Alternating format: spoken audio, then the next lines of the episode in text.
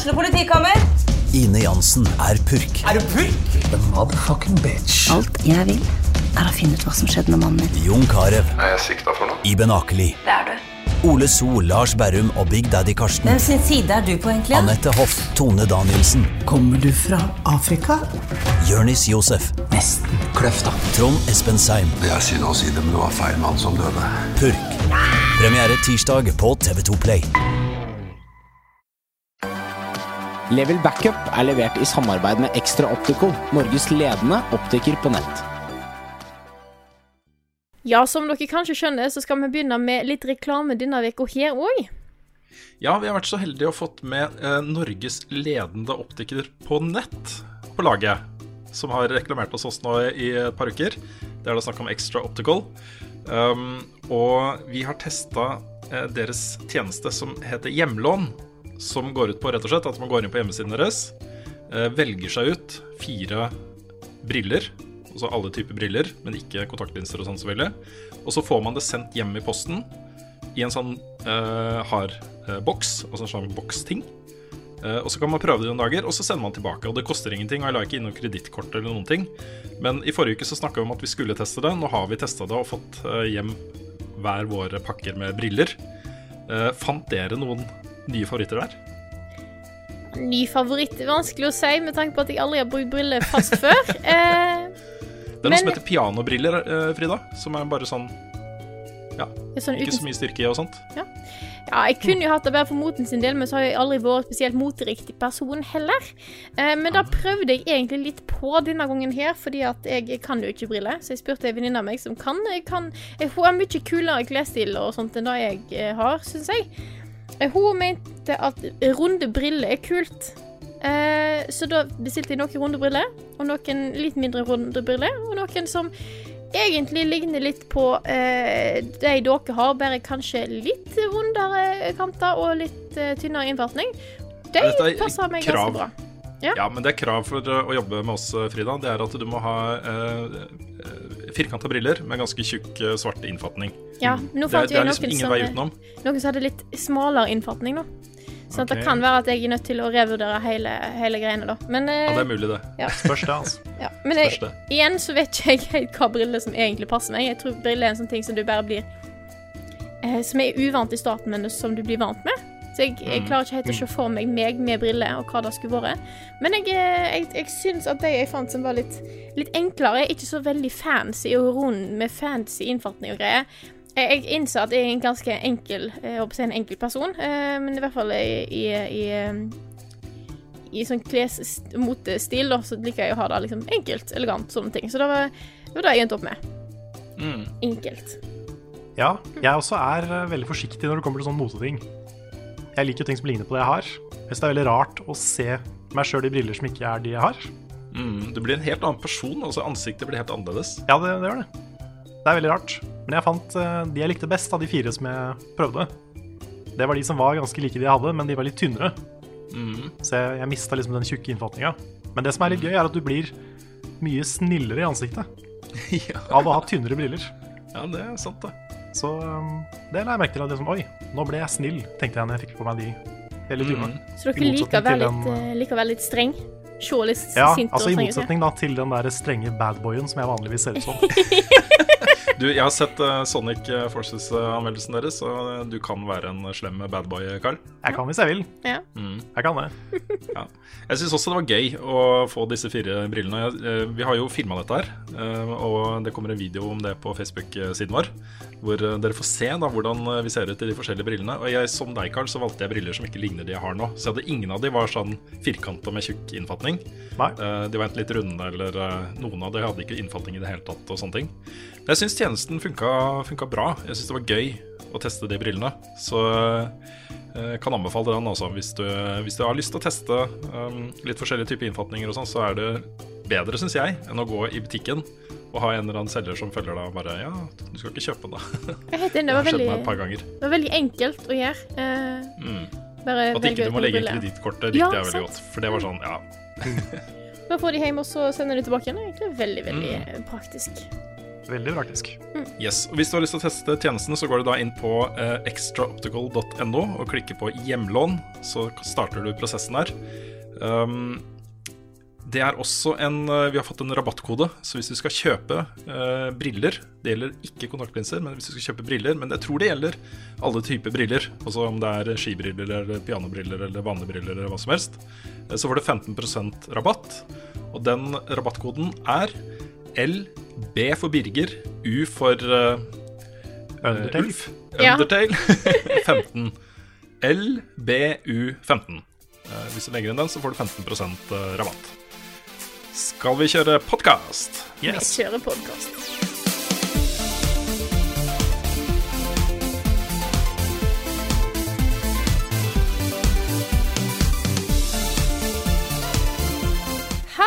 Og velkommen til en ny episode av podkasten Level Backup. Med meg Frida Danmo, og med meg har jeg selvfølgelig Karl Martin Hogsnes og Rune Fjell Olsen.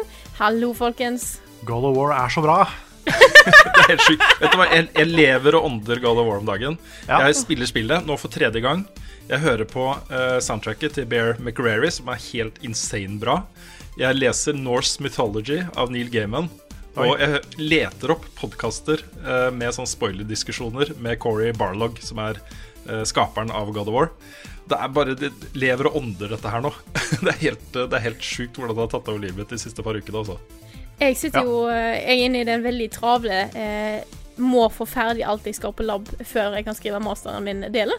Så jeg er jo på skolen til sånn åtte-ni. I går var jeg på skolen til halv ti. Og så kommer jeg hjem, og så har jeg ikke tid til å spille God of War. Og det gir meg seriøst så trist. Det er det eneste jeg vil. Det er litt sånn kappløp mot tiden også, fordi uh, jeg, har- jeg har vært forsiktig med å si det, si det tidligere, for de, eh, selv det å si det er en liten spoiler. Men det er noen saftige, saftige spoilere i det spillet her. Og for hver dag som går, så er det mer sannsynlig at du mot din vilje blir spoila et eller annet. Så det er litt sånn kappløp mot tiden å komme seg gjennom spillet og få sett den slutten. Bare sånn at du, ok, nå er du trygg. så eh, get on it, Frida. Ja, hvis du sier det gjelder alle lytterne også som er i ferd. Ja, ja. greit.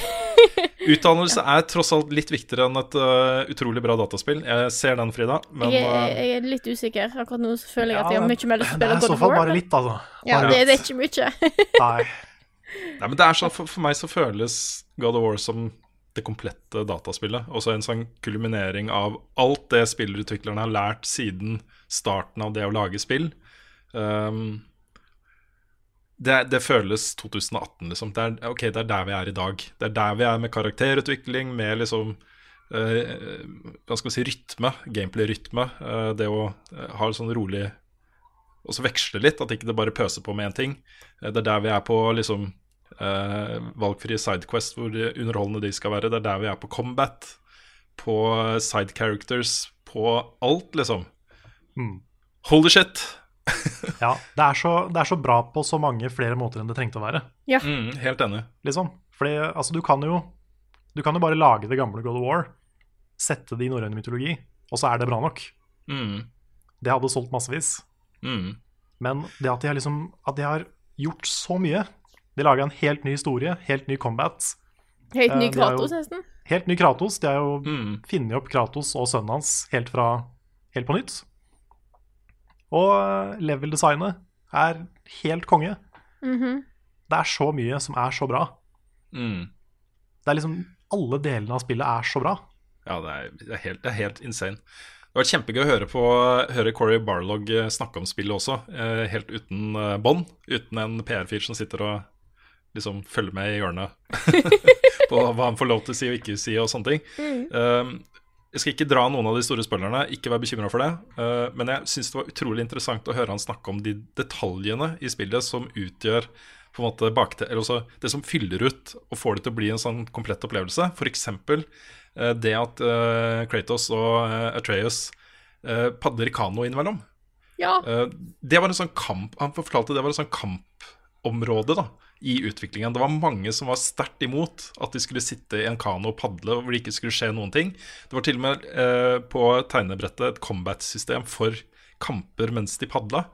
Um, men det at det har blitt en sånn refleksjonsting da, i dette spillet, hvor Kratos sitter og forteller historier, og Mimir forteller historier, og de liksom snakker litt med hverandre, og det er sånn, ja, sånn rolig ettertanke mellom slagene, liksom, er med på å gjøre dette spillet her. Jeg syns det er kjempeinteressant å høre han fortelle hvor hardt han kriga for å beholde de tingene i spillet. Det er uh, ja, The devil is in the details, altså. Og her er det så utrolig mange detaljer som funker.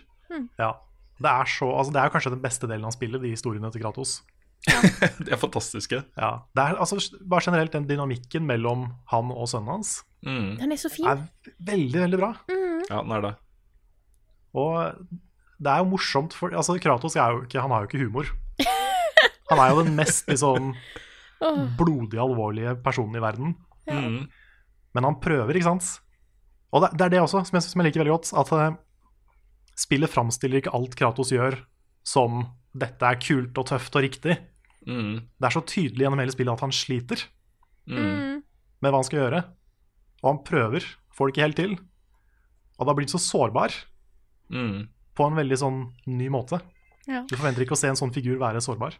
Nei, og det er jo Faye og Atreus som har gjort han sårbar, ikke sant. Altså, det er jo uh, det at han har funnet kjærligheten og fått en sønn, uh, hva det gjør. Altså, man kan si hva man vil om de gamle God of War-spillene. Uh, jeg syns fortsatt det er bra spill. Det er et produkt av sin tid, men jeg syns fortsatt det er bra spill. Men i de spillene så var det noen klump av hat og sinne og hevn, ikke sant. Det var det han var. Um, og da har det jo gått ganske lang tid, da. Eh, og jeg syns det er kult at de på en måte beholder den klumpen inni han. Også som en sånn indre konflikt ikke sant? mellom den han ønsker å være og den han var. Eh, og at det er en del av spillserien allikevel. Mm. det har på en måte gått kanskje enda flere år enn det har gått eh, fra forrige God of War-spill. Men eh, det har liksom gått den perioden ikke sant? som har gjort at man reflekterer over hvem man var og hvem man ønsker å være og sånne ting. Helt insane, altså. Det som eh, En ting jeg har lyst til å si, da, som eh, de ikke har snakka om eh, offentlig, men som de har begynt å snakke om nå, er at dette her blir sannsynligvis en trilogi. De har en historie klar. Oi. Ikke begynt å, ikke begynt å lage spillene ennå, men dette kommer til å fortsette.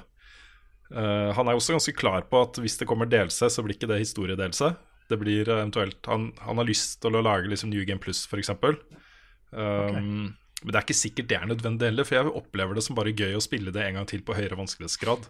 Jeg syns det var nok eh, for meg, da. Vi prøvde også på Give Me God of War vanskelighetsgrad på streamen, Karl. Vi gjorde det. Det gikk, eh, det gikk dårlig. Ja, det er, det er tøft også, det er skikkelig tøft. Men det blir, etter det jeg har hørt, litt lettere etter hvert. Fordi um, du har ingen ekstra abilities i starten.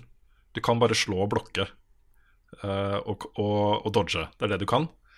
Um, etter hvert så får du jo noen ferdigheter og egenskaper som, eh, som gjør det litt lettere å ekspedere ting litt kjappere. da Um, så, så det blir litt lettere, men uh, et- det er fortsatt noe av det vanskeligste man kan gjøre i spill, tror jeg. Altså. Det å fullføre det spillet på Give Me God of War vanskelighetsgrad. Ja, vi var stuck på tutorial-mobsa Mm. I en time. Ja, til, helt til Nick kom. Jeg er helt til Nick kom, men Nick klarte det på andre forsøk. Ja, det er sant. Nick er jo magisk, men uh... I, seriøst? Jeg, jeg Mm. måtte jo gå i før streamen var ferdig. ja. Kom Nick innom og bare et, Oi, shit. Så det er, det er Nick. Mm. Jeg må jo legge til, jeg har tatt det, jeg også. Jeg har, eh, jeg har kommet med en av de mobsa der. Ja.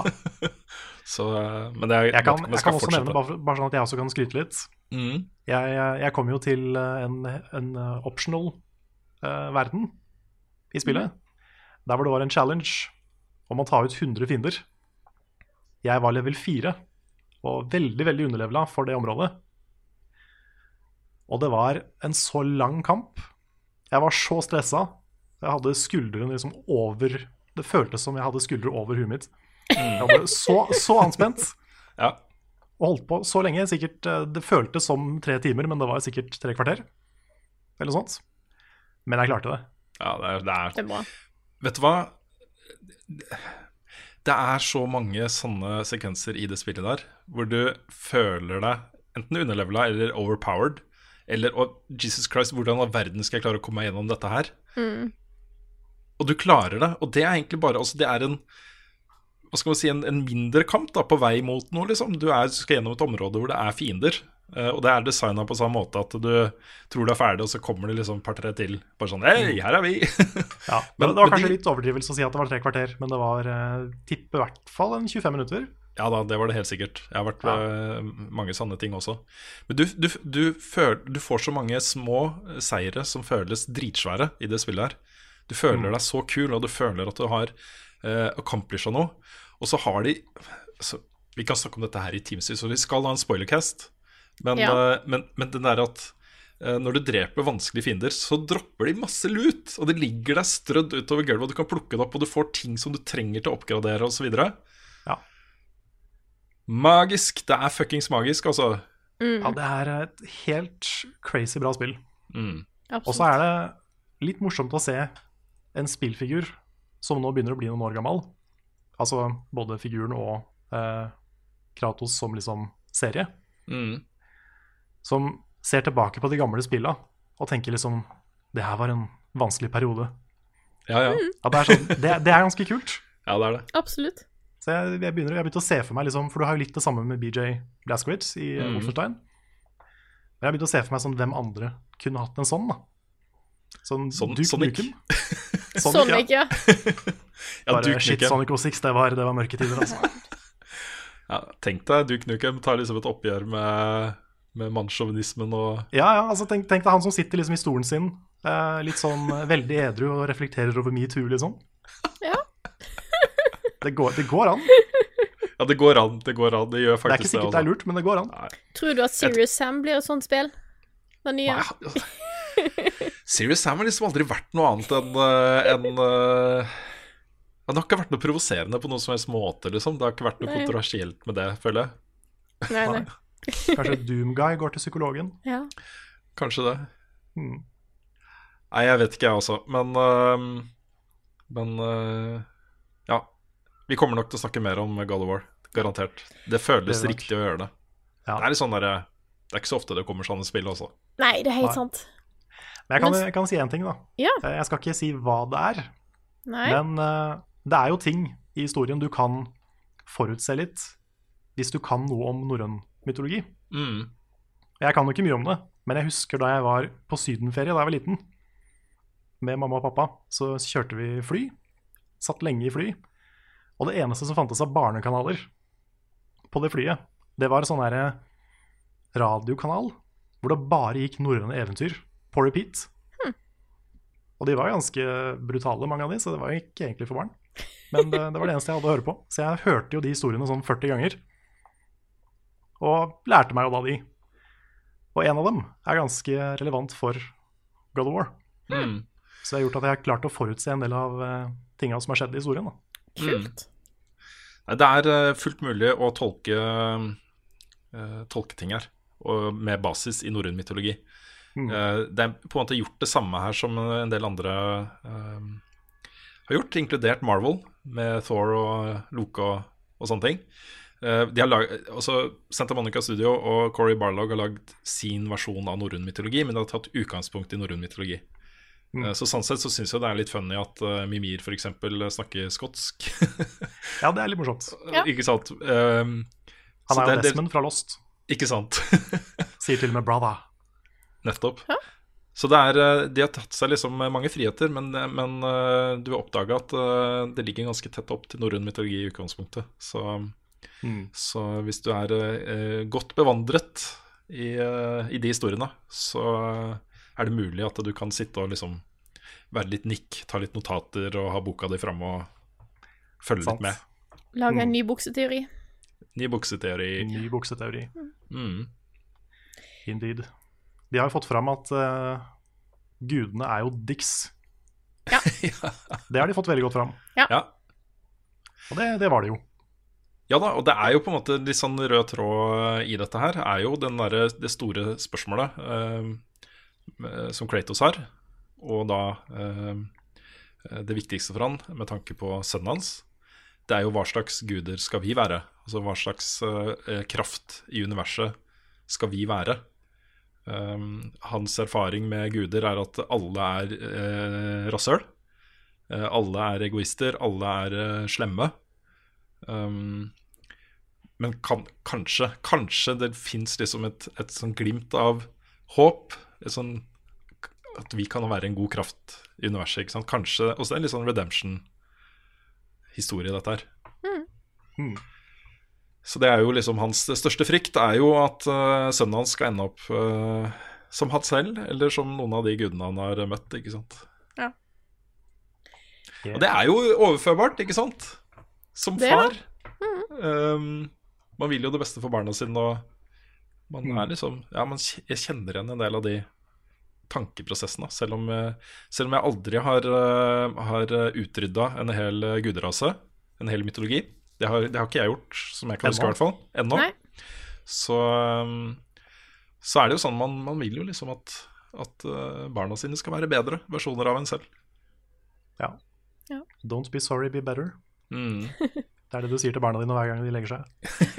Ja, og så er det en helt herlig scene helt uh, tidlig i spillet hvor, uh, hvor eh, Kratos er med Atreus uh, på jakt. Han skal, Atreus skal vise han demonstrere for han at han kan jakte, at han er flink med bu, pil og bue og sånne ting, og til å jakte på dyr og osv. Uh, og så kommer da denne hjorten, Uh, og Atreus bare løper av gårde og fyrer av en pil og blir vådeskudd, da, og så bare skader hjorten.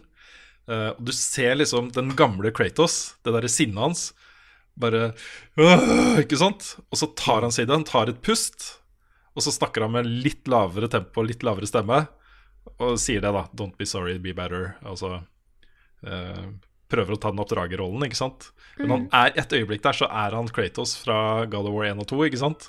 Og den kjenner jeg igjen.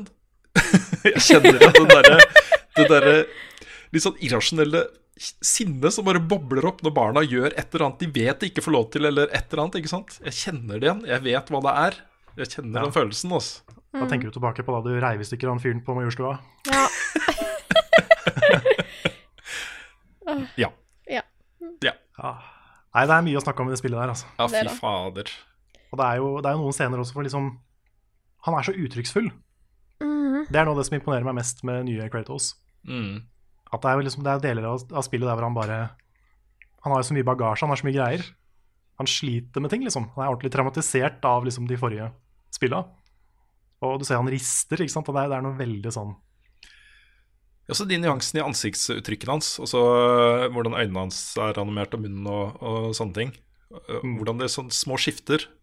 Så bare Å, der skjedde det noe inni han, liksom. Han, han uttrykker ingenting, han sier ingenting, men du bare ser det. Uh, det, det er Det er fuckings imponerende, altså, i et spill. En, en datafigur. Uh, å få liksom så nyansert informasjon om hva personen tenker og føler, bare med noen små nyanser i ansiktsuttrykket. Det er min, eh, det er min favoritt med der spillmedia havner nå. Der vi kan Mm. faktisk lage såpass godt uttrykksfulle karakterer. Eh, ikke bare på en måte med historien deres eller hva de sier, men animasjonen. Mm. Og det er fortsatt Mm. ikke mange som får det til, altså. Nei. Skal vi med det hoppe videre til neste spill? Detroit? For vi har spilt det også, for det Ja, er jo en sånn naturlig liksom, overgang. eh, Ja, for Ja. vi skulle egentlig spørre liksom sånn Har har vi spilt noe annet? Men eh, da har vi jo Vi har jo spilt Detroit. Mm. Ja, det er jo kanskje Kongen. nesten bare det også. Ja. Ja, Jeg har jeg, jeg har spilt masse, masse andre spill, men jeg orker ikke å snakke om det akkurat nå. Nei, det, Ja. Detroit, det var jo du som spilte da på stream i går, Carl. Det var det. Det var, Mhm. det var jo demoen av Detroit Become Human som nå er ute, som viser den første scenen. Den som ble vist eh, på E3 for et par år siden som på en måte første teaser på dette spillet, hvis jeg husker rett. Mm. Ja, Den første teaseren var jo Cara som eh, på en måte Stemmer. Ja. Ja, ja. men det var jo en eh, det, Den er nok ikke i spillet, den scenen. Det Nei, men mer det var jo bare. Det var jo ikke eh, en del av spillet. Det var mest en sånn test de gjorde, og så valgte de å Mm. fortsette på det. Ja. Det er egentlig en veldig bra kortfilm. Ja, enig. Det er en veldig bra kortfilm. Veldig Mm. bra kortfilm. Hvis de klarer å følge opp bare noe av det, så er det et eller annet på gang der. Ja, det er kanskje sånn storymessig kanskje det beste de har gjort. Mm. Quantic Dream. Ja, fordi det grunnleggende der er jo på en måte hva, hva om disse androidene som vi kommer til å lage for å hjelpe oss i hverdagen, eh, hva om de får også blir selvbevisste? Hva om de begynner å få et eh, eh, forhold til et jeg, og begynner å tenke og føle og kreve ting av livet? Ja. Det er liksom, det er jo ikke det de er programmert for, men eh, Eh, Det er jo mye eh, seriøs forskning som, som peker på farene ved videreutvikling av kunstig intelligens. Eh, Hva når kunstig intelligens blir selvbevisst? Hva skjer da? Mm. Så, så det er på en måte utgangspunktet, og den Cara uh, tech-demoen uh, tok jo utgangspunkt i det. Uh, hvor du ser liksom den androiden er ikke hel engang. Det er liksom hode og noen kroppsdeler og litt sånne ting. Koble opp til en maskin. Blir på en måte uh, utspurt og utspurt og utspurt, og til slutt så, uh, så blir hun spurt liksom hva er det du vil, og så sier hun 'I want to live'. Det er liksom punchlinen for den, den greia der. Eh, Men åpningssekvensen så møter du da en, en politietterforsker som ankommer en scene hvor en androide, også en hushjelp-androide, har gått amok, drept mor og far i huset, holder datterhuset som gissel ute på eh, takterrassen. Altså det er jo en skyskraper dette foregår i. Eh, og din jobb er da å redde eh, dette gisselet og uskadeliggjøre eh, den androiden. Og han, er jo, han har jo gått amok fordi han har funnet ut at han, at han skal bli erstatta. Det er liksom utgangspunktet for den scenen. Mm. Eh, og han eh, sier sånne ting som Ja, jeg trodde dere elsket meg, og jeg tok tydeligvis feil, og Ja, det var bare en slave for dere. Ikke sant? Så jeg, syns det var en god Det var en god pekepinn både på eh, hva slags historie vi kan forvente oss, og uh, gameplay-mekanikker. Og der ligna det jo ganske mye på Heavy Rain. Ja, det er veldig likt de delene i Heavy Rain hvor du spiller som han eh, Naman Jaden FBI, Yep. som, uh, som har en bare halvveis overbevisende amerikansk aksent. um, det, er, det er litt sånn ja, Det er en videreutvikla versjon av detektivdelen av Heavy Rain. Mm. Jeg syns de funka ganske bra. Det var en kult eh, måten du kunne rekonstruere scener på. Ved å liksom se på bevis. Mm. Um, likte veldig godt det. Ble litt stressa av at du hadde tid på det. Så du måtte, du måtte gjøre ting fort. Gjerne vite hva du skulle gjøre på forhånd. For å være mest mulig kjapp og effektiv. Mm. Men vi fikk jo faktisk eh, Eller jeg fikk jo den beste slutten først. Ja, stemmer. Selv om jeg brukte litt lang tid første gangen. Eh, og så prøvde vi liksom å få en bedre slutt, men da fikk vi bare progressivt verre og verre slutter. Ja, vi gjorde det. Ja. det var helt så vi helt spilte den demoen igjen og igjen og igjen. Ja. Men det var, det var kult å se åssen spillet kommer til å bli. For det var jo Mm. faktisk forskjellige slutter. Veldig forskjellige slutter. Du kunne jo miste figuren. Ja, i Mm. første scene så dør en av hovedkarakterene. Det er jo interessant. Da er jo en tredjedel av spillet vekk. Ja, kanskje. Mm. Jeg, vet Kanskje. de, jeg vet ikke om de mener det. Jeg, jeg er så spent Nei. på liksom hva Det virker så rart hvis Si hvis alle tre hovedpersonene dør i første scene, da. Så er spillet ferdig. Ja. Kan det er skje? sikkert, sikkert en av de som det ikke Kanskje en av de ikke møter den type mulig skjebne før et stykke ut i spillet. Kanskje. Mm. Ja, fordi sånn var jo Heavy Rain. Mm. Hvor du, der sa de også det at liksom, ja, men du kan dø når som helst. Men egentlig så kan du bare dø i siste del. Eller i siste Mm. par oppdraga. Ja, men hun Men dama kan kunne ikke dø? dø ganske tidlig. Hm? Hun, hun dama, vel hun heter den i Heavy Rain. Madison. Ja, hun kan vel dø ganske tidlig. Jeg tror ikke hun kan dø så tidlig, men hun kan dø litt over halvveis, tror jeg. Ja, det er det eh, huset som hun er inne i med den seriemorderen som uh, Ja, han plutselig dukker opp. Nei, han, eh, han vitenskapsfyren. ja, ja, med alle mannequins oppe og loftet og sånt. Ja, det er delelsen. Er det delelsen? Mm. oh, ja. Han derre hmm. taxidermist-fyren. Ok, Men der kan du også dø. nettopp. Men, eh, men ja, nei, jeg vet ikke. Jeg er, eh, jeg er jo Jeg er jo spent. Jeg er veldig, veldig spent Mm. På resten av spillet. Og jeg, jeg gleder meg mest til å finne ut om det er bra eller ikke. Mm, Ja, det er alltid det er Det er- så veldig opp og ned med Ja. David Cage. Det som er en eh, kjempefordel her, uh, en av de største fordelene, er at hovedpersonene er androider. Så de gjør ikke noe om de er litt 2D. Altså, de, kan, de, de, de må ikke ha på en måte alle de lagene du forventer av en realistisk, troverdig menneskelig figur. ikke sant? Mm. De kan være litt sånn livløse og litt sånn tsk, tsk, uten, at du, uten at det blir et disconnect. da. Um, men det som jeg ikke liker, og som jeg er uenig i, er at du får opp den flowcharten etter hvert utfall. Hvor du kan se liksom alle de optionene du har gjennom uh, scenen, og så prøve på nytt. Det er jeg litt usikker på. Altså. Jeg har lyst til å spille gjennom dette her eh, og la det være et spill basert på mine valg, ikke et spill basert på de valgene jeg har tatt etter å ha tenkt meg om litt. på en måte. Jeg vil at det skal være en bedre flyt i det. Men da har Men du mulighet til å gjøre begge deler nå. Ja da, altså, jeg, jeg kommer jo til å gjøre det, men jeg blir litt sånn stressa av at det kommer opp. Og jeg ser at shit, jeg, hvis jeg bare hadde gjort en ting der på det leddet i flowcharten, liksom, så hadde utfallet blitt et annet. Og jeg vil jo egentlig ha et annet utfall, liksom. Jeg vil ikke leve med konsekvensen av de valgene jeg tok. Jeg vil, jeg vil gjøre bedre valg. Så spiller jeg det på nytt. Da han Ja, leadwriteren sa, jo at dette, å vise dette her er på en måte deres måte å vise at alle ting du gjør, faktisk har en konsekvens. Ikke bare ha den illusjonen av valg som noen spill har, men vise at det faktisk er mange ulike endinger, og at alt på en måte faktisk betyr noe. Ja, men det, jeg synes det de burde ha gjort, er å presentert den flowcharten etter at uh, du er helt ferdig med spillet. Og Men det er, ikke, det er ikke sikkert de ikke gjør det. Ja, kanskje. Fordi demoen var jo sånn som den var. Ja, Jeg- det kan den. Ja, å kanskje. sånn. Nei, men da han sa uh, i intervjuet, var at han sa at uh, 'after each scene'. Ok. Uh, så jeg vil tippe at det er sånn etter hver sånt segment. Mm. Ja, ok. Mm. Men får du muligheten til å begynne på nytt da? Da jeg vet jeg ikke. Da kan godt være at du ikke har mulighet til å gå tilbake der og da, bare at du får sett det. Mm. Mm. Ja, det, det hadde vært bedre. Mm. Ja, for det ville jeg gjort hvis jeg skulle laga det her. Ja, Ja. enig. Ikke hatt en replay-knapp. Mm. Vi får se hvordan det det er når det kommer ut. Det det kan hende at de har henta det som en erfaring fra, fra Heavy Rain, som var på en måte ganske lik i eh, struktur, med forskjellige branches, og de kunne ha lagd en flowchart der også, med forskjellige utfall. Um, der tror jeg mange følte at de var ferdig med spillet etter første gjennomspilling uansett.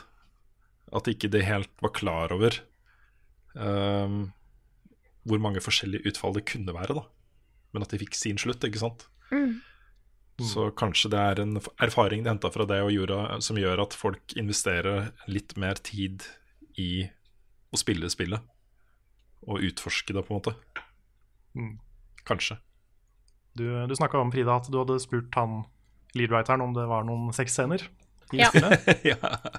Um, eh, han, svarte, han svarte jo ikke på det. Han gjorde ikke det. Da Han er sa sikkert at noe. For det er noen som lurer på sånn Hei, fikk med seg den delen av intervjuet? Den tok jeg ikke med, fordi at det ble eh, Det var så lite svar jeg fikk. Så jeg hadde ikke blitt noe bra å ha med. Jeg, så jeg tok ikke med. Men han sa, han sa da at eh, han ville eh, Han spurte meg sånn Ja, men du vil vel ikke at jeg skal si om hva som er med eller ikke med i spillet? Eh, sånn at vi har ikke fått det. Eh, det er ikke Det er ikke liksom eh, bare denied. Nei, det kommer ikke sexscene. Det kan være. Det er en interaktiv sexscene, men, men det vet Altså, ikke. da. Det er David Cage. Ja. Det har har jo vært tre av tre ganger. tre av tre ganger, og opptil flere ganger i uh, et av spillene. Og så ikke Ja. nødvendigvis sexscene, men uh, i Beyond så var det jo en Det var først en dusjscene når eh, hun var ute i, uh, i ørkenen i USA. Mm. eh, hos den indianerfamilien. Et utrolig random kapittel. Helt crazy random. Du kan, jeg ta, du kan ta ut den indianerfamilien og ikke miste noen ting. Ingenting. Og i tillegg, da, dessuten, etter at du har vært hos den familien og bare lurt på hva i helvete man gjør der, og dusja og fått litt sånn spekulative kameravinkler og sånne ting, så blir du bedt om å velge om du skal kysse han ene duden i den familien eller ikke. Jeg har ikke utvikla et fnugg, ikke et fnugg av følelser for noen av dem. Men jeg har hørt fra noen kvinnelige spillere Ja, at han er veldig kjekk. ok. OK. Så, så det kan hende at det bare er derfor. Ja, nettopp. Han er så kjekk at du må kysse den. Ja, men den siste sexsekvensen i Beyond uh, Den er jo noe av det mest pointlesse jeg har sett i et spill noen gang. Og det gjelder jo den sexscenen i Heavy Rain også. Det er jo bare Jeg, jeg, jeg når, når jeg opplever de scenene i de spillene der, så tenker jeg for en skitten, skitten mann David Cage er. For en skitten mann. Jeg, jeg, jeg tenker sånn Han vil veldig gjerne at det skal være flott, ja. men det blir så rart siden det er animert. ja. Og det Og ser ut som de prøver å spise opp hverandre. Og det er interaktivt i tillegg. Og det blir jo superharry. Hvis Ja. du bare hadde puttet på den sexscenen på en måte, Greit at det er dårlig Altså ikke, ikke dårlig animert, men at det er animert så du på en måte ser at det er litt fake, da. Hvis du hadde bare satt på den og bare sånn OK, nå skjer det. Det er greit. Men det er da det er interaktivt som gjør det så gale! ja. De sexsekvensene sexsekvensene ja, Det er samtidig noe av det morsomste jeg vet. Ja, det er jo gøy, det er jo gøy, men det er jo ikke bra. Det er jo ikke bra. Nei, det er ikke bra, men det er gøy. Men til sammenligning, da, sexscenene i uh, Wolfenstein, de syns jeg er kjempebra. De synes jeg er kjempebra fordi det er bygd opp et troverdig forhold mellom Anja og uh, BJ. Eh, og ha, det at han liksom tar henne hardt på bordet, og du ser det er ikke noe sånn Det er ikke noe sånn eh, eh, veldig voldsomt grafisk. Eh, det er ingen tvil om hva som foregår, men det er ikke, de dveler ikke ved det, på en måte. Eh, også den togkupé-scenen. Det er liksom naturlig. Du tror på at de to personene i den situasjonen de er i, og det forholdet de har, da kommer de til å ha sex. Det er liksom sånn voksne mennesker oppfører seg i den type situasjoner, ikke sant? Og du tror på det. Men her er det sånn ah, Ja, men du har ikke de der, du har ikke de der små småcreepy kameravinklene heller i Nei. Wolfenstein. Nei, du har ikke det. Det er bare liksom scene. Dette skjer. Ferdig. Ja, på noen sekunder, liksom. Ja. Mm. Det bare gjorde, gjorde spillet og forholdet mellom de to bedre. Ikke sant? Det var med på å bygge opp under uh, karakterutviklinga, ikke bryte det ned, på en måte. ja. Ja, det blir For- for spennende. David Cage, er, David Cage er litt mer den derre uh, Look at the emotions of this beautiful lady. Ikke sant? Det er sånn, Ja. han er veldig på den. Ja. Da blir det veldig rart. Ja. Det blir spennende å se på dette her. Det er vel i eh, mai da kommer dette her, gjør det ikke det? 25., tror jeg. Ja, Ja. det kan høres ut som en dato jeg har hørt. Så da er det bare at å glede seg til 25. mai, så får vi se hva vi får av eh, eventuelle interaktive sexscener. Jeg tror egentlig det var min tur å ha en anbefaling her, men jeg må ha mista fullstendig oversikten. Jeg skal prøve å få tilbake igjen et litt system på dette her. Men eh, Rune har sagt seg frivillig til å komme med en anbefaling, så da lar jeg han ta uh, kjøringa fullstendig. Vær så god. Ja, jeg har lyst til å anbefale et, eh, et eh, dritbra dataspill som heter God of War. Ja! Oi. Ja, Ja, som vi ikke har snakka noe om i det hele tatt. Nei. Eh, Nei, altså, jeg må innrømme at det har vært mindre tid til overs til å se på TV-serier i det siste av God of War. Altså, ja, sånn er det bare. Eh, men kona og jeg har fulgt en serie i tre sesonger som har begynt sesong fire nå. Eh, og det er Bosch, som er tilgjengelig på HBO. Eh, og Det er jo en serie om en, eh, en eh, politietterforsker i Los Angeles som heter Hieromenus Bosch. Han heter Hieromenus, jeg husker ikke. Hieromenus. Hieromenus, et eller annet. Uh, han er jo litt, en litt sånn klassisk uh, gruffy uh, veteranetterforsker med et hjerte av gull, på en måte. Men uten liksom alkoholproblemer og sånne ting, da. Men han er veldig rettskaffen, men også veldig sånn ikke så godt likt på, eh, i politistyrken og sånne ting. Eh, kontroversiell figur, da. Eh, cop er who doesn't always play by the rules. ja, for han, han kan, kan bende regler litt. Han er veldig sånn ærlig uh, fyr, men han kan bende regler litt for å liksom Ja. Chaotic Um, good. Chaotic Good er en god beskrivelse av Bosch. Uh, han er basert på en bokserie av en forfatter jeg er veldig veldig glad i, som heter Michael Connery. Han har skrevet veldig mange gode eh, politi- og detektivserier og romaner. Um, han har annet også laget The, The Lincoln Lawyer, som også ble en film med, med uh, Hva er det den heter igjen, da? Um, ja, Lincoln Lawyer. Uh, og en del andre ting. Han skriver veldig gode bøker. Uh, veldig gode karakterer og veldig gode sånne mysterier som skal løses. Og den TV-serien er dritbra, fordi det er jo gjerne ett en stor case da, for hver sesong. Men så er det masse sånn sideforliggende ting om familielivet til Bosch og kjærlighetslivet hans og forhold til datteren og forhold til fraskilte kona og uh, sånne ting som følger seriene. Uh, så det var litt morsomt. Også sesong fire har begynt, så startet det med sånn 'Dette har skjedd i Bosch'. Og da har det jo ingenting om noen av casene han har løst i det hele tatt, for de er avslutta, ikke sant? Eh, Men masse da om hva som har skjedd gjennom fire, tre sesonger tidligere i utviklingen i liksom, privatlivet hans. Eh, Så det er den biten som gjør den så god. At de er så flinke på den røde tråden gjennom alt. At du følger personen Bosch, og du føler virkelig med han. da Um, og så er det veldig spennende. Velskrevet og spennende. Så den, den anbefaler jeg på det varmeste. Og det er litt synd da at jeg har litt mindre tid til å se TV-serier nå, fordi i dag slippes jo uh, uh, Handmaid's Tale sesong to. Uh, Westwood sesong to kommer jo nå. Westworld. Westworld, selvfølgelig. Yeah. Westworld.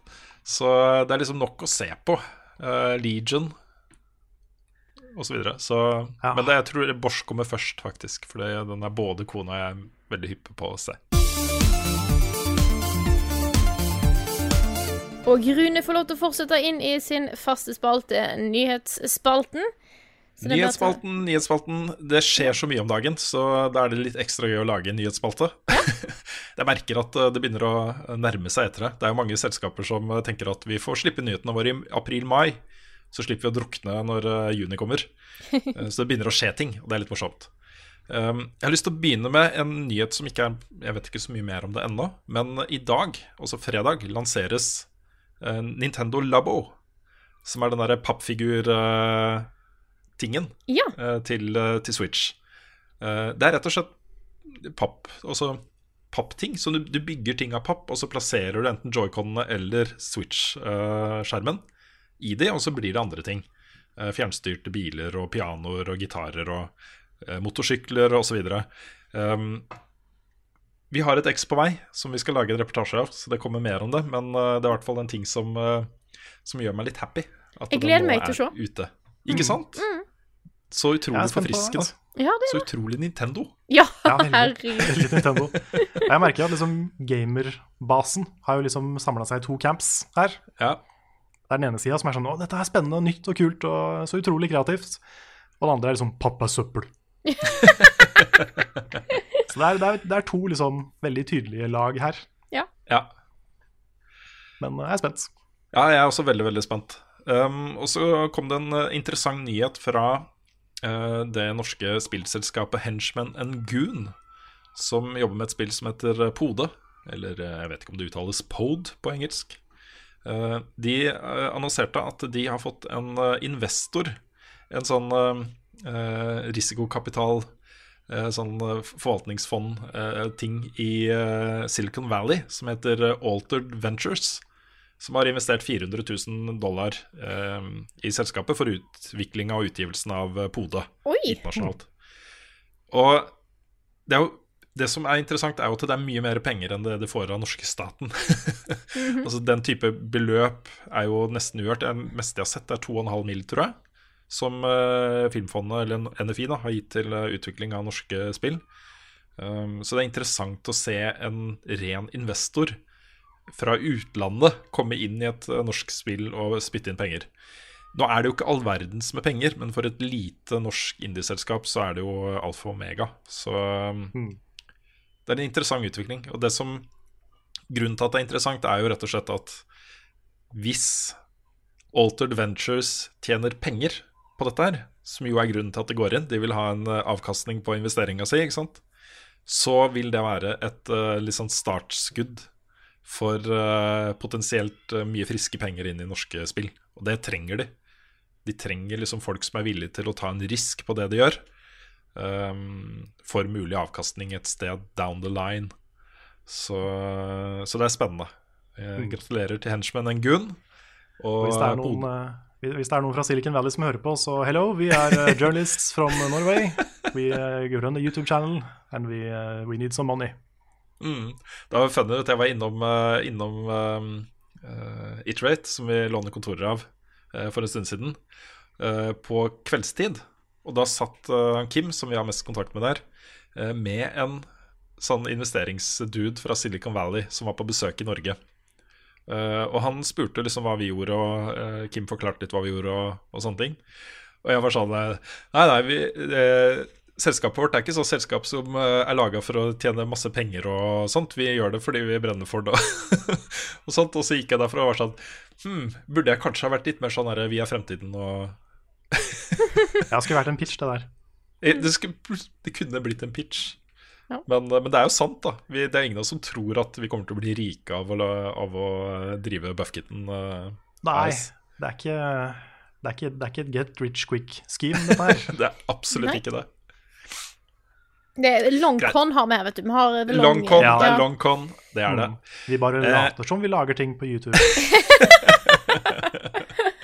Jeg hopper videre. Ja, Eh, ja det kommer en, eh, en ny versjon av Sonic Mania, Sonic Mania Pluss, Ja, som har fått lanseringsdato 17.07. Og det er på alle plattformer det er ute på. PC, PS4, Xbox One og Switch. Der legger de til ganske mye kult, altså. det gjør det. De har jo remixa banene igjen. Ja. Eh, lagt til to nye characters. Og det er så kult, for det er to characters som du ikke har kunnet spille som før. Bortsett fra noen sånne veldig obskure spin-off-spill. Mm. Men de har skikkelig kule movesets, ser det ut som. De er veldig unike sammenligna med Sonic og Tales og Knuckles. Mm. Så jeg blir bare så glad av å se det de gjør med det spillet her. ja. Spillet er allerede så bra, og så bare er det mer av det. Ja, det er morsomt. Eh, De har også lagt til eh, også eh, competitive-delen av det har jo vært for to spillere. Nå har dere dobla det, så nå er det for fire. Fire spillere. Yeah. Og så er det vel òg i- Ja. Ja, bare si det du skulle si, Frida. Det er jo den plussversjonen er ute, sånn at på en måte, da får du hele pakken. Men det var vel også tilgjengelig for de som allerede har det, til en redusert, en redusert pris. Og da får du kjøpt på en måte resten av innholdet. Ja, vet du hva den reduserte prisen var, eller? Var den fem dollar? Ja, fire. Fire, ja. Fire dollar. så hvis du er- allerede eier spillet, så får du alle disse nyhetene her for fire dollar. Ja. Det er rart altså. hvordan så mye går så feil i Sonic Team, mens fansen får et oppdrag og gjør det helt perfekt. Ja. Ikke sant? Ja, det er eh, helt, helt nydelig. Eh, Vi har også et par eh, veldig veldig interessante norske lanseringsdatoer eh, coming up. Den 8. mai, som er frigjøringsdagen. Det var da tyskerne forlot norsk landjord. Så lanseres My Child Lebensborn, som er utvikla av Sarepta oppe i Hamar. Og det er jo De beskriver det som en Hva skal man si En moden Tamagotchi. Du får ansvaret for en gutt eller en jente, eller begge deler, hvis du kjører begge storylinene. eh, Som da er barn av tyske soldater og norske mødre. Eh, Og du får følge deres hverdag. Um, ganske tungt spill. Lars har spilt det og laget en video om det som kommer på kanalen vår snart, og han er jo rysta. Og eh, blir, Jeg klarer ikke å bruke ord som ekstatisk og sånne ting. Man kan ikke bli det om et sant spill da, som gjør så sterkt inntrykk på en. Men han sier det er en av de sterkeste spillopplevelsene han har hatt. Så, så, så det kan bli spennende å se hvor, eh, hvordan det gjør det, rett og slett. Hvordan folk tar det imot. Det er jo ikke en, en pen historie, det der. Nei. Nei, det er ikke det. Nei, Den går jo rett inn på altså det er Utgangspunktet for, eh, for det spillet her syns jeg er så prisverdig. Uh, fordi uh, den hverdagen som tyskerbarna hadde i Norge, er så uverdig en eh, en sivilisasjon. Eh, uskyldige barn. De kan ingenting for hva mødrene deres gjorde, eller hvem fedrene deres er. De er bare født. Um, det er liksom Der får man målt uh, moralen i en nasjon, føler jeg, da. Ja. Når man ser på hvordan, uh, hvordan de barna ble behandla. Så viktig prosjekt, syns jeg. Eh, og noe helt, det er jo helt, noe helt annet. Men et annet norsk spill som lanseres samme dag, er jo Conan Exiles. Yes. eh, hvor du får eh, se den tragiske bakgrunnen til barbarer som Ja. Ja, My Child Conan. My Child Conan. Jep. ja. Men det, det er også gøy. da Der har de jo uh, hatt en veldig suksessrik uh, Early Access-periode bak seg, som har vart i over et år. Ehm, og det, jeg ser at de legger til veldig mye nytt til lansering. Også masse nye områder og nye funksjoner og sånne ting. Eh, så det føles som en ordentlig release, selv om man er litt mette på Con Exiles eh, etter en lang, innholdsrik eh, Early Access-periode. Så eh, har jeg tro på at det kan gjøre det ganske godt ved lansering også.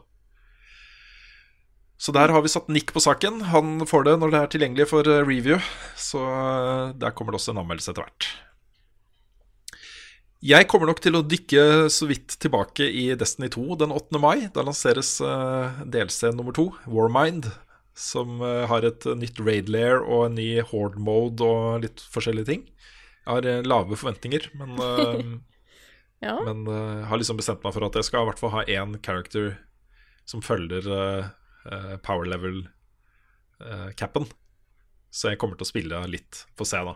De har gjort en del, de har lagt til litt sånn long grinds også. For eksempel så har de lagt til eh, Exotic eh, eh, Masterworks, som er en sånn perk edition på våpen og armor. som det visstnok skal være ut utrolig vanskelig å få tak i. Og de sier at spillere flest kanskje bare får tak i én eller to av de. Nesten uansett, da.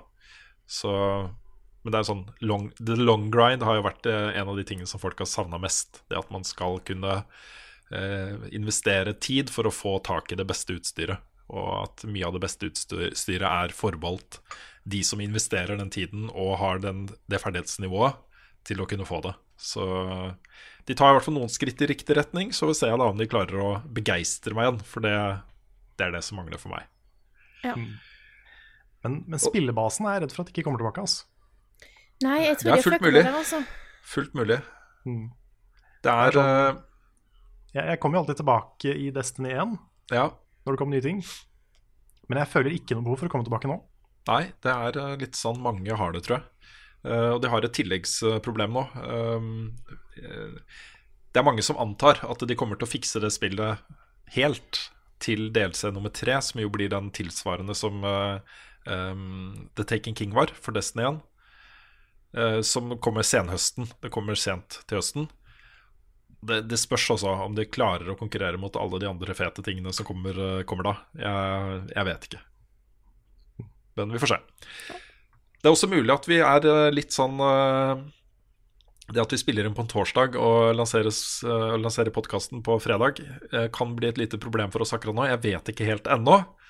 Men i okay. morgen, for oss, da, også på fredag, Ja. så er det den første offisielle revealen av Shadow of the Tomb Raider. Eh, det skjer på Tribeca Film Festival, hvor eh, du får se liksom, spillet i aksjon for aller første gang.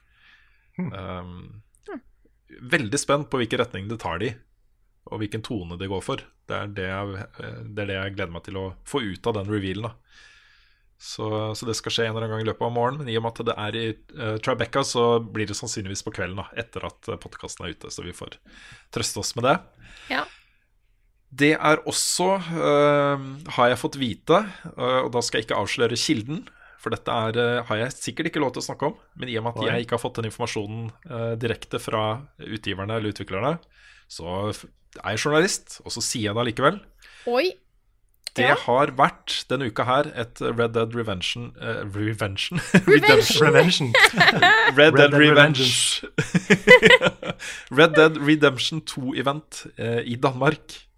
Eh, og disse eventene er jo sånn at eh, de drar dit, og så får de spille spillet, og så får de kanskje intervjue noen, uh, osv. Og, og så får de en embargo. Og det, jeg vet ikke når den embargoen er, sannsynligvis er det neste uke. Så neste uke, eller uka deretter eh, senest, da tenker jeg, så kan du forvente deg et, eh, et massivt trykk av Red Dead Redemption 2-stoff på nett.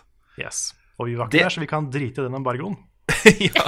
ja, Vi vet jo ingenting om spillet heller, da, så det er jo Nei, ikke nei, så farlig. så det er ikke så mye spennende å si. Nei. Nei, men det, det er jeg spent på også. Det er jeg spent på. Um, kjøre litt gjennom litt eh, flere kjappe saker. Wolfenstein 2 har lansering på Switch den 29. juni. Eh, der er det en sånn liten ting som jeg ikke helt vet hvordan de skal løse ennå. Men uh, de har visstnok problemer med å holde spillet til de 32 gigabytene som er på det innebygde minnekortet på, eh, på Switch. Shit. Så hvordan han har tenkt å løse det, det vet jeg ikke. Men uh, i verste fall så må, da må du ha et nytt minnekort for å kunne spille. Så ja. Men det kommer Ja. i hvert fall. Ellers så må du ut og kjøpe det fysisk, ass. Ja, Ja, det shit. det da, vet du. Det, det er lenge siden. Mm. Greit, greit. Det er en god måned hvis du er medlem av eh, enten Xbox eh, Live, altså Gold med medlemskap i Xbox Live, eh, eller PlayStation Plus. Eh, på Xbox, de som er medlemmer der, betaler abonnement for det. Da får du Metal Gear Solid 5 og Vanquish i mai. To briljante spill. Begge de to er jo fantastiske. Eh, og det er ikke like bra, men eh, kanskje like interessant på PlayStation Plus. Eh, selvfølgelig Beyond Two Souls, så hvis du ikke har spilt det, så har du en mulighet til å oppleve noen av spillhistoriens mest eh, eh, kleine øyeblikk, og også beste øyeblikk. Første halvdel av det spillet er fantastisk, syns Ja. jeg, da. Det er, det er 50% et veldig veldig bra spill, Ja, og 50% et ganske dårlig spill. nettopp. Og det er det skillet går sånn cirka midt i, så blir det bare verre og verre. Ja. Men det andre, andre spillet er Rayman Legends, og det var jo du veldig glad i, Carl. Du også, Frida? Det er et av de beste moderne plattformene som finnes. Jeg vet liksom aldri helt hva jeg skal si før vi starter spørsmålsspalten, men det jeg i hvert fall kan si, er at vi nå kjører vignett.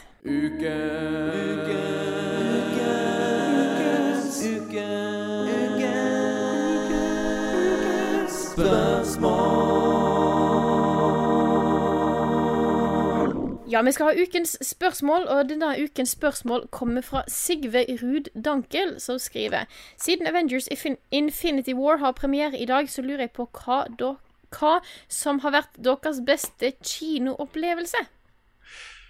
Litt av grunnen til at vi valgte det som ukens spørsmål, er jo at øhm, jeg har sett Infinity War. hver, gang jeg, hver gang jeg ser det navnet, så tenker jeg Infinity Ward, som lager Call of Duty. Men uh, øh, det er Avengers, Infinity War, det er snakk om. Og det var en mega, mega kinoopplevelse. Altså det å se den filmen uh, som en uh, liksom, konklusjon av ti år med Marvel-filmer, hvor de bruker liksom, ting som har skjedd i alle de universene og alle de filmene som jo henger sammen, ikke sant? Uh, og konkluderer det, og så samler det, og du møter alle disse forskjellige heltene og sånne ting. Um, det var en helt fantastisk kinoopplevelse. Og um, en fantastisk opplevelse i det hele tatt. Så, så jeg tenkte eh, Jeg kommer ikke til å si noen spoiler om, om den filmen. Ingen av dere har sett den, f.eks. Det er sikkert Jo, mange av de som hører på som ikke har sett den. Så jeg skal ikke spoile noen ting. Uh, men dette er en sånn type film som du bør se fort. Litt sånn tilbake til det jeg sa om God of War.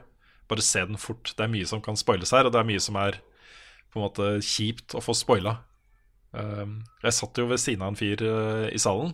Jeg gikk jo alene på dagtid klokka 11 på nye Odeon-kinoen her i Oslo. Luksussalen der. ikke sant? De har sånne seter som du trykker på en knapp, og så flater den seg ut. ikke sant?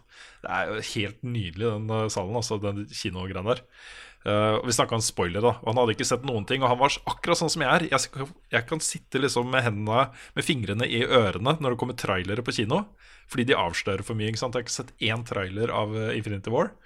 Eh, og visste ingenting på forhånd. Så eh, hold dere unna nettet til dere har sett den. det er liksom, man blir litt sånn sprekkferdig. Man har lyst til å snakke med noen om det, ikke sant? Mm. Men det er ikke min sterkeste kinoopplevelse. Jeg vet ikke om en av dere har lyst til å begynne? Jeg vet en av de eh, Det er vanskelig å rangere ting, men jeg vet i hvert fall at en av de En av de få gangene jeg kan huske at jeg var på kino da jeg var yngre Jeg har sett mye film da jeg var yngre, det var ikke det, men det var en jeg husker veldig sterkt. Og det var da jeg var og så den første Pokémon-filmen. Oh. Den, den, sitter, den sitter langt inne. Plutselig var Pokémon ikke bare noe jeg så på, på barne-TV på, eh, på en lørdag eller fredag, eller en hel lørdag eller søndag når jeg gikk, eller noe jeg hadde på en liten Gameboy. Det var stort, det var overalt, og det var dritkult. Eh, så det husker jeg veldig sterkt. Jeg har òg hørt eh, fra mor mi og faren min, tror jeg, som var med på denne her kinoen. Eh, de skjønte ikke en dritt, så jeg satt der og prøvde å forklare hva som skjedde. Utvikling og greier. Det var vanskelig. Så den, den husker jeg. Eh, som en av de største da jeg var yngre.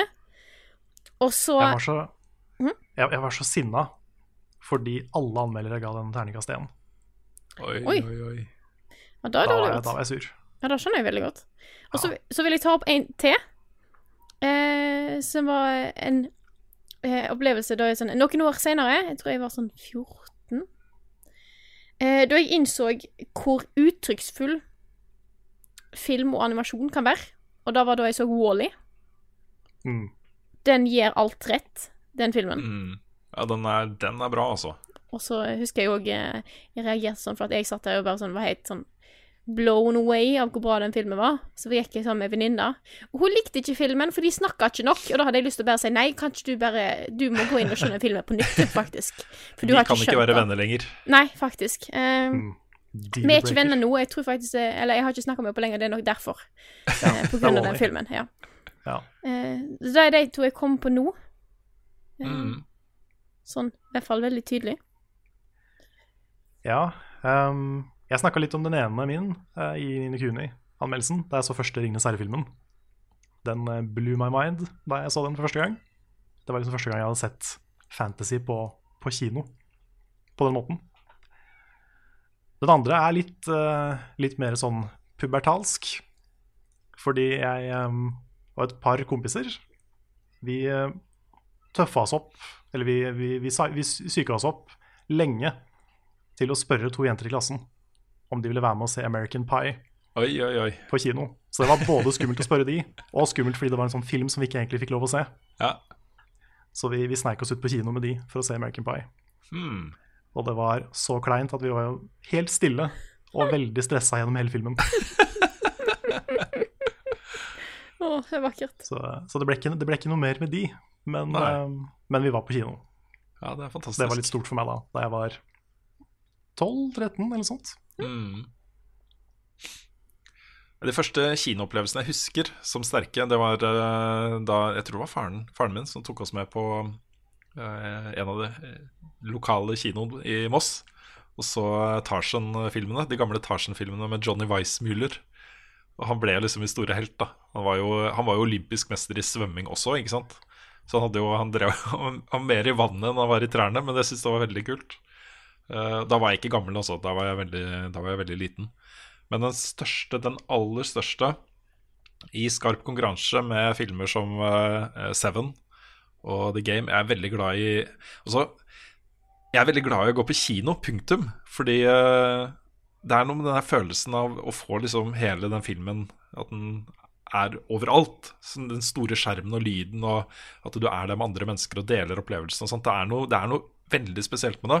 Jeg håper liksom ikke kinoene forsvinner fordi bare folk sitter og streamer. Det er uh, viktig for meg å kunne gå på en, uh, i en sal og se en film med en mye bedre TV enn jeg har hjemme. Så, så jeg håper ikke det går bort.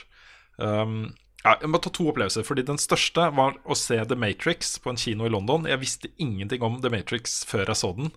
Og det, Shit, å, ja. det å gå inn, det bare så tøff ut. Det her ser spennende ut. En, en sci-fi-film som, eh, som bare så spennende ut. Jeg visste ingenting. Jeg hadde ikke sett noen trailere eller lest noe om den i det hele tatt. Visste ingenting. Gikk og så den og bare var Altså, fortsatt. Jeg tror kanskje det er min alltime favorittfilm. Den har jeg sett gudene vet hvor mange ganger. Jeg elsker den filmen. Um, så det var stort.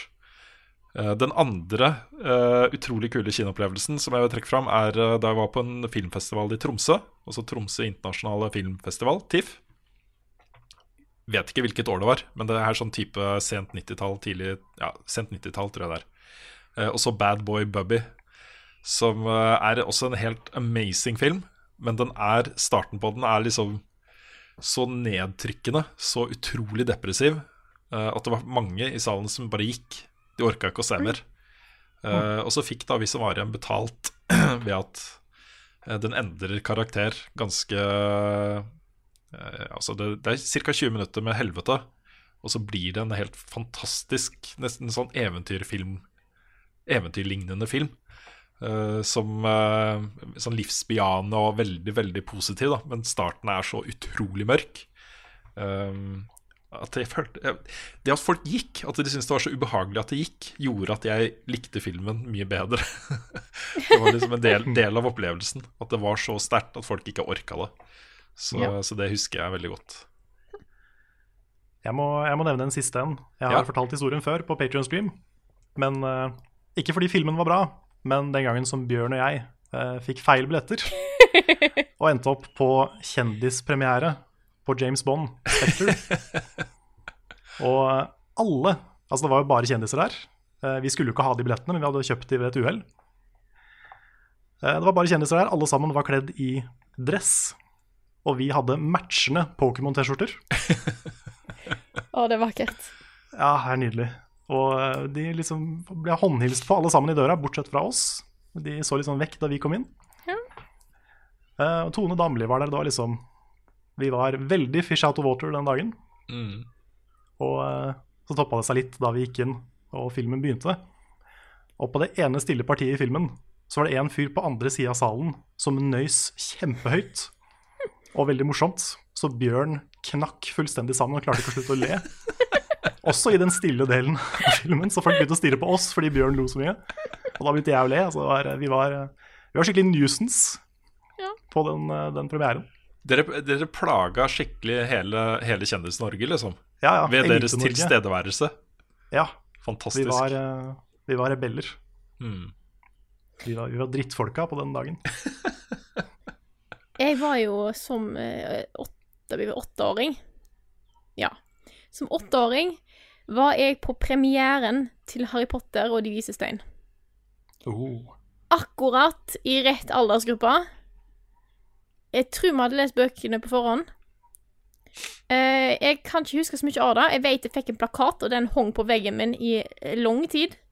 Men jeg vet at mamma eh, har snakka om hvor, hvor bergtatt jeg var av Harry Potter etter å ha sett den filmen. Mm. Så det er ikke en kinoopplevelse jeg husker veldig mye av sjøl. Men eh, fordi at jeg på en måte etterpå så fikk vi filmen på VHS, og jeg har jo sett dritten ut av den filmen. På norsk. Eh, som er jo Ja. Eh, men da vet jeg at det var en For, for åtteårige meg så var det kult. Det er bra at vi har en uh, bok- og filmserie som har lært opp en hel generasjon av folk til å ønske å være med i Gryffindor. Ja. Eller Ravenclaw. Hmm? Eller Ravenclaw. Ja, for så vidt. Men uh, det er Ja. De beste, folk, de beste folka, liksom. De mest moralske folka, de er jo i Gryffindor. Ja. Heltene i historien, liksom. Alle vil jo dit. ja, men du har også en del litt sånn edgy folk som gjerne vil være i Slytherin. Ja da. Men jeg tror kanskje, hvis ikke dere har noen flere kinoopplevelser Nei. Nei, Men jeg, skal, jeg, jeg har lyst til å nevne bare at jeg har tenkt å også gå med søstera mi og se uh, A Quiet Place på kino. Det har jeg gleda meg veldig Den filmen har jeg gleda meg veldig til å se på kino. Um, det tror jeg er en utrolig spesiell kinoopplevelse. Jeg tror den er mye mye bedre å se på kino enn å se hjemme. Så det er, det er neste prosjektet. Neste kinoprosjektet er det. Høres bra ut. Men da, siden vi har allerede snakka litt om Infinity War, så kan vi ta et spørsmål fra Mathias Kjølstad, som spør hvem er deres favoritt-Avenger? Hmm. Jeg vil nok si at uh, Basert på uh, opptredenene i både Infinity War, i sin egen film, og i uh, Civil War, uh, Spiderman. Hmm. Jeg er frista til å si eh, Captain America, fordi han er den beste Supermann som har vært, syns jeg. um, men det er kanskje Thor. Jeg syns han er så sånn Han har en sånn der herlig, jovial greie ved seg. At han er den der eh, veldig store, norrøne, storslagne duden. Mm. Men han har den der veldig folkelige blide også. Og Han er jeg veldig bra i. Infinity War. Veldig, veldig bra i Infinity War. Ja, men det er kult. Ja. Thor er bra. Og jeg har fortsatt eh, en eh, sånn det, det er ikke en guilty pleasure helt, det, kan- jeg kan ikke si det, men jeg er glad i, i Iron Man. Mm. Tony Stark. Ja. Jeg, jeg, jeg, syns, jeg syns han øh, Jeg syns Iron Man var klart best i første film, og nesten like bra i andre film, og ikke fullt så bra seinere. Jeg, har gått litt lei- jeg, jeg har gått litt lei av, uh, av den derre superstar Billionaire. Nå har ikke jeg sett en del altså de, Jeg har jo ikke sett de siste sånn tre-fire Marvel-filmene, så jeg har jo på en måte datt litt av. mm. Så det, jeg, jeg vet ikke helt hvor, hvor kvalifisert jeg er til å svare på spørsmålet. Men uh, Det er ofte samme superhelter, føler jeg. At det er skapelsen av dem som er mest effektfullt. Og den fortellingen om hvordan Tony Stark blir Iron Man, syns jeg er så mye sterkere enn alt annet som skjer etterpå. Ja, men jeg er helt enig, men det er litt derfor jeg, jeg, jeg, jeg liker så godt den første filmen. At det er litt Ja. derfor den, den står der, da. Mm. Yes. Ja, det er bra, altså. 2 en av de bedre filmene. Nei, den er ikke bra. Ikke så bra, i hvert fall. Nei. Nei. Men jeg kan, også er bare sånn passe, syns jeg. Ja. den er bedre enn toeren, syns jeg. Men det er Mm. Eh, Grunnen til at jeg velger uh, Spiderman, er vel egentlig at Homecoming er kanskje den Marvel-filmen som har overraska meg mest. Jeg bare ble så glad i den filmen. Jeg ble så glad i han som spiller Spiderman, og i den rollefiguren gjennom den filmen. Og så var han jo helt fantastisk i Civil War. Altså Den opptredenen i Civil War drit, altså Den gjorde mye av filmen for meg, da. Eh, det er sånn frisk pust som kommer seilende inn, ikke sant? Jeg syns også, eh, bare for å gi en liten shout-out til i Civil War, syns jeg Antman var veldig, veldig bra. Mm. Han blir litt sånn fanboy av de andre. Altså, Paul Rudd er Paul Rudd. Han, Ja. har aldri, han har aldri gjort noe jeg ikke liker. Jeg er så glad i Paul Rudd. Han er kongen av å være klein, Ja, han er det. på en morsom måte. Mm. Han er så herlig klein.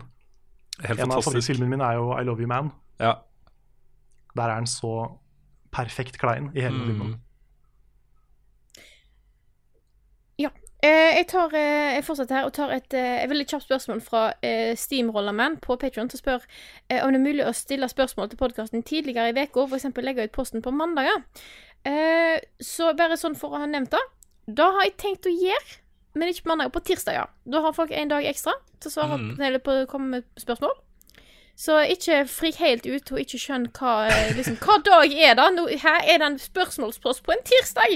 Eh, det går fint. Eh, jeg har bare tenkt å teste det nå og se om det eh, kan være bedre å gjøre. Det er jo, jeg må jo fortsatt legge ut en post. Jeg kan godt gjøre det på tirsdag. Mm. Nei, vi, eh, det var en av de ansvarsoppgavene, områdene du fikk, Frida. Det var jo Ja. å sørge for at eh, vi legger ut det tidsnok. Ofte når det var jeg eller Carl som skulle gjøre det, så kom det Oi, vi skal spille en podkast om en time. Vi bør kanskje ha noen spørsmål. Det hendte vi glemte det. Ja, Så det har jo blitt veldig mye bedre. da Nå er det jo én dag før. Det er jo helt uh, luksus. Men uh, Ja. det skader jo ikke å legge det ut på tirsdag. Så, Nei, det, det er det jeg tenker. Da får dere en ekstra dag. Kan Mm. være vi får inn flere spørsmål. Eh, erfaringsmessig så kommer de fleste innløp inn eh, bare noen få timer etter, etter jeg har lagt ut den posten, så jeg vet ikke helt eh, hvor mange flere spørsmål vi får inn. Men jeg, jeg, jeg, jeg hører på hva dere sier, så da, da gjør vi det.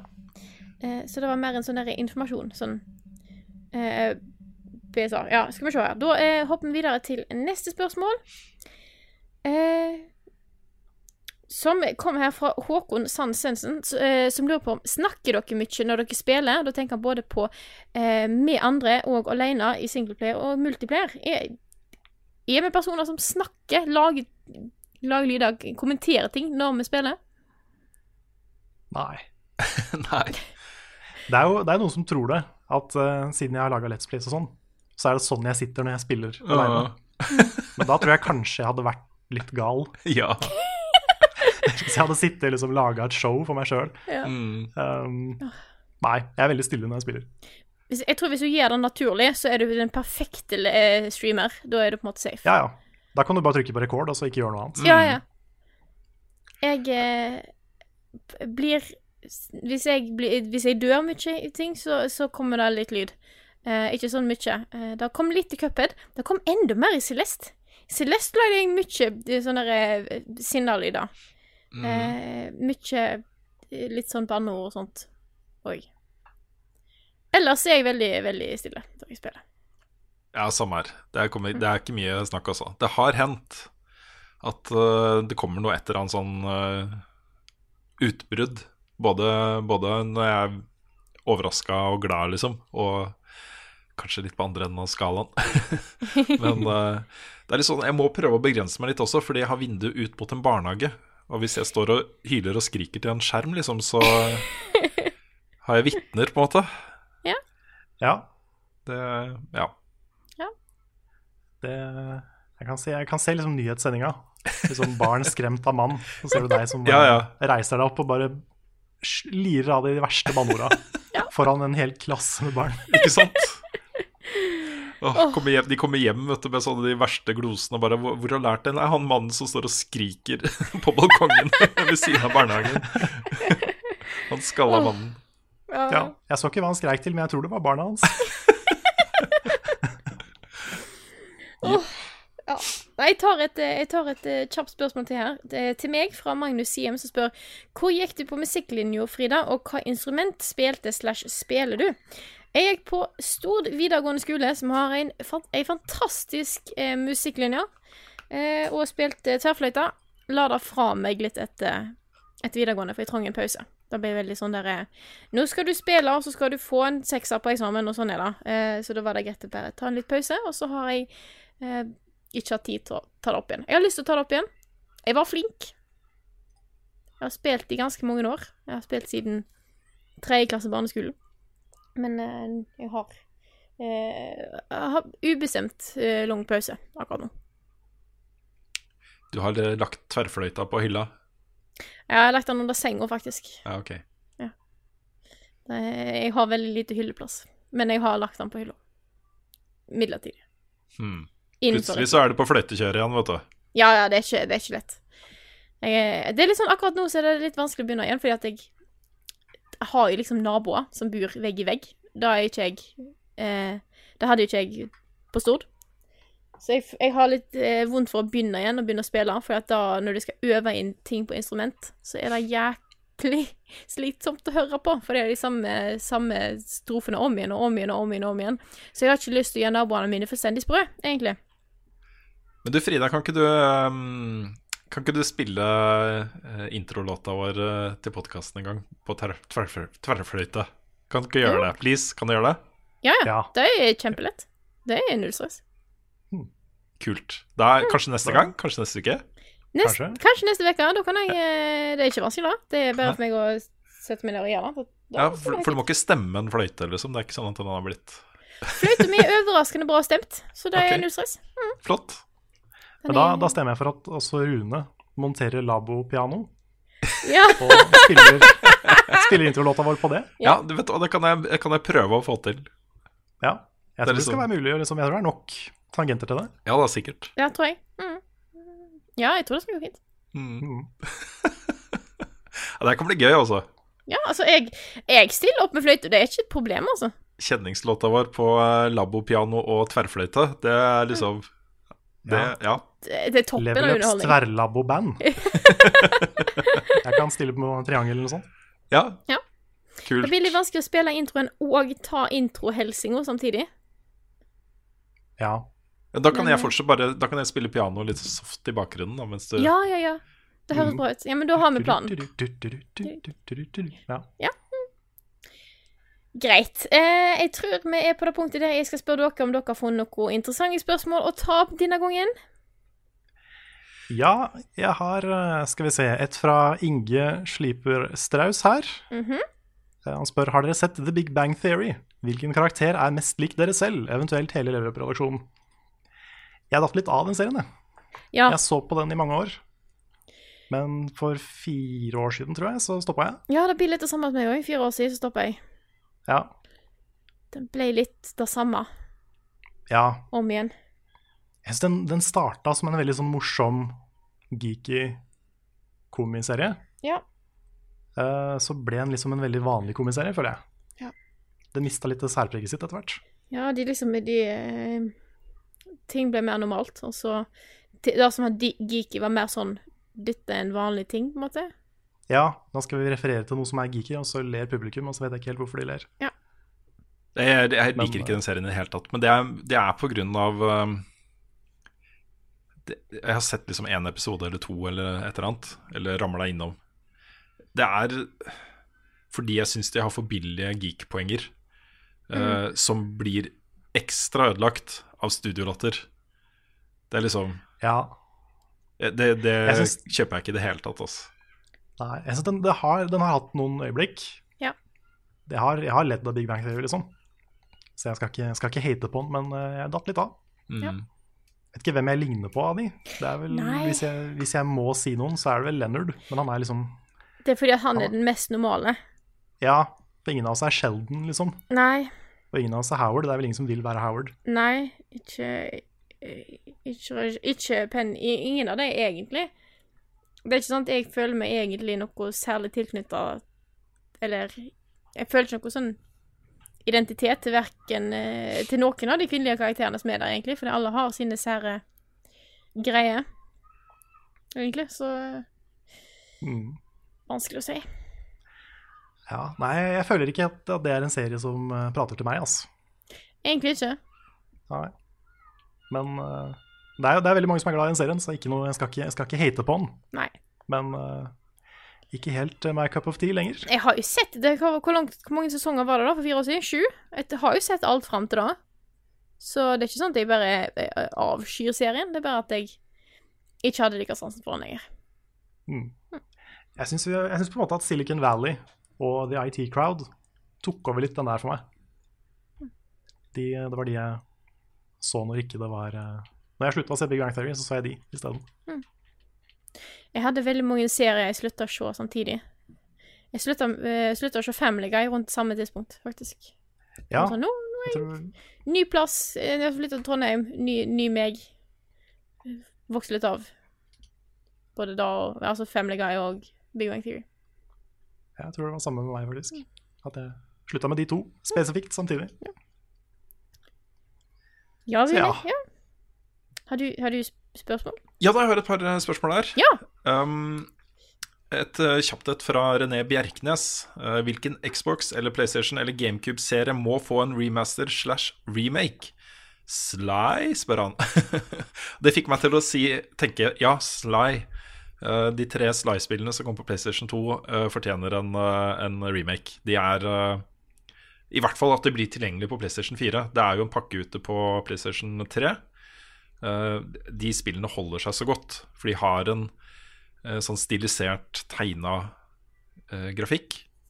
Og de er veldig morsomme å spille fortsatt. Så de hadde gjort seg godt som en enten remaster eller remake.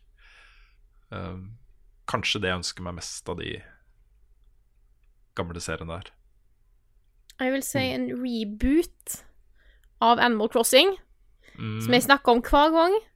Vi snakker om spill som vi vil ha tilbake igjen. Ikke på, ikke på mobil, ikke på håndholdt, eller nå teller Switch som en håndholdt, men, men Switch. Gi meg et full, fullskala Animal Crossing der jeg kan fiske til jeg basically bare eh, ikke, Altså det, til jeg har liksom Fisking. Ja, Ja. faktisk. Gi, La meg fiske alt som kan fiskes i det spillet, og gi meg det på en konsoll på en TV. Da er jeg fornøyd. Yes. Ja, skulle gjerne sett en eh, skikkelig remake av uh, Demon Souls. I hvert fall nå som det er offline. Mm. Kanskje i engine til Dark Souls 3, f.eks. Mm. Det hadde ikke gjort noe. Onimusha, den serien vi har tilbake. Den er bra, den. 3D Rayman. Jeg trenger ikke mer eh, hvis, Remake av Rayman 3, altså Revolution, og Hoodlum Havoc. Da, da er jeg fornøyd. Mm. Men hvis de faktisk starter opp den serien igjen, da, da blir jeg happy. Men også HD-remake av det første Rayman har jeg lyst til å se. Ja, ja, det er sant. For det er fortsatt så bra og så pent. Mm. Men jeg har lyst til å se det i liksom 1080p med uh, widescreen, kanskje. Mm. Hadde vært nice. Mm. Ellers så Det er jo mye. Shadow Heart-serien. Den har vel aldri blitt released noen gang. Men uh, den likte jeg veldig godt på PS2. Så fått den i samlepakke på PS4 hadde vært veldig stas. Yes, Jeg har et spørsmål her også fra Philip Lindstøl S. Uh, som skriver Hoi hoi, fikk noen av dere i redaksjonen spilt Hollow Night? I så fall, hva syns dere om spillet? Hvis dere ikke har prøvd det, må jeg bare få si at jeg anbefaler det på det sterkeste. Ligger komfortabelt inne på min topp fire-spill i 2017. Um, og det er litt interessant at han sier topp fire-spill, fordi jeg hadde jo Hollow Night på fjerdeplass på min eh, toppliste for 2017, eh, jeg også. Um, I motsetning til han, da, som hadde Breath of the Wild, Night in the Woods og PubG uh, på topp tre, så hadde jeg Breath of the Wild, um, Super Mario Odyssey og Wolfenstein eh, på topp. Men det er jo et fantastisk bra spill, og grunnen til at ikke det kom noe anmeldelse, var rett og slett at jeg spilte det for sent. Det var et sånt spill jeg tenkte, vet du hva, jeg kan ikke avslutte 2017 uten å ha spilt det. Um, så det gjorde jeg liksom etter at vi hadde runda av uh, de faste, vanlige tingene våre. Uh, tidsnok til å ha det med på lista mi, men jeg syns det ble litt seint å anmelde. Og det jeg egentlig godt har venta på, er uh, lanseringen til Switch, som jo skulle være nå i april, men som nå bare står 2018 på, så jeg vet ikke helt når det kommer. Uh, men uh, når det kommer, så, så tenker jeg at da skal jeg prøve å få gjort en anmeldelse av det. Uh, og der har de akkurat sluppet også en stor oppdatering, som er gratis for de som har spillet fra før. Uh, men det er sånn quality of life-forbedringer, altså ting under the hood, uh, som um, Som de har laget til Switch-versjonen, men som de har funnet ut også bør implementeres i de andre versjonene. Så så det at de har fortsatt å jobbe med Switch-versjonen, gjør også spillet bedre på andre plattformer. Så grunnen til at jeg tok det opp, var rett og slett bare for å minne folk på at det fortsatt kommer på Switch, og at det er et veldig bra spill. Så hvis ikke du har spilt det, så anbefaler jeg også det på det aller varmeste. Det er dritbra. Hollow Night. Ikke som i natt, men som i Knigget. Knigget. Yes. Knigget. Jeg har begynt på det, men jeg har ikke fått fortsatt ennå. Burde Men det er definitivt på, på lista. Mm. Mm. Burde ha spilt, da. Definitivt. Mm. Det er litt vanskelig. av Det er litt sånn hardcore. De har på en måte lagd uh, Metroidvania versus Dark Souls, og det de gjør det ganske sånn Du stanger mot en del vanskelige bosser og litt sånne ting, men uh, du får den samme type tilfredsstillelsen av å mestre det, ikke sant. Når du sier det er vanskelig, Rune, så tar jeg det bare som en utfordring, siden jeg nå har både tatt Cuphead og Celeste. Ja, jeg, jeg, vet, hva, jeg vet hvor det er, hvilke knapper jeg skal trykke på, Frida. Ja, du gjør det. Mm. Ja. Kingdom Hearts-serien er vanskelig, Frida. Ja. Alle spilla. Ja, ja, ja. Kanskje, kanskje du rekker å spille før treeren kommer? ja. Kanskje. Nei. Nei, Nei. det er litt for mye. Men jeg tror egentlig at vi skal tenke på å runde av dere, for nå har jeg mista fullstendig oversikt egentlig på hvor lang podkasten er, for vi stoppa opp midt i fordi det har diskriminering full. Uh, så jeg vet egentlig ikke hvor lang den er, men jeg, jeg vil tippe at nå er et bra tidspunkt å stoppe på. Hva sier det dere? er det. Jo da, det føles, Ja. føles ut som et eh, bra og riktig eh, sted å runde av på. Nei, men Da gjør vi det. Så da vil jeg først og fremst si tusen takk til alle dere som støtter oss på Patron. Dere er de beste folka, eh, og vi kunne jo faktisk ikke klart oss uten dere. Så, kunne vi ikke. eh, Nei. Så eh, tusen takk. Og til dere som hører på, som lurer på om kanskje dere har lyst til å bare hjelpe oss litt på veien mot å måtte måte forsa, fortsette med eh, å være eh, jeg på å si level up og Buffkitten. Så er det bare å gå inn på Patreon vår Level Up Norge og støtte oss med det du har lyst til der. Eh, og så får jeg egentlig bare takke for oss. Takk for at du hørte på denne episoden av Level Backup, og så snakkes vi igjen neste uke.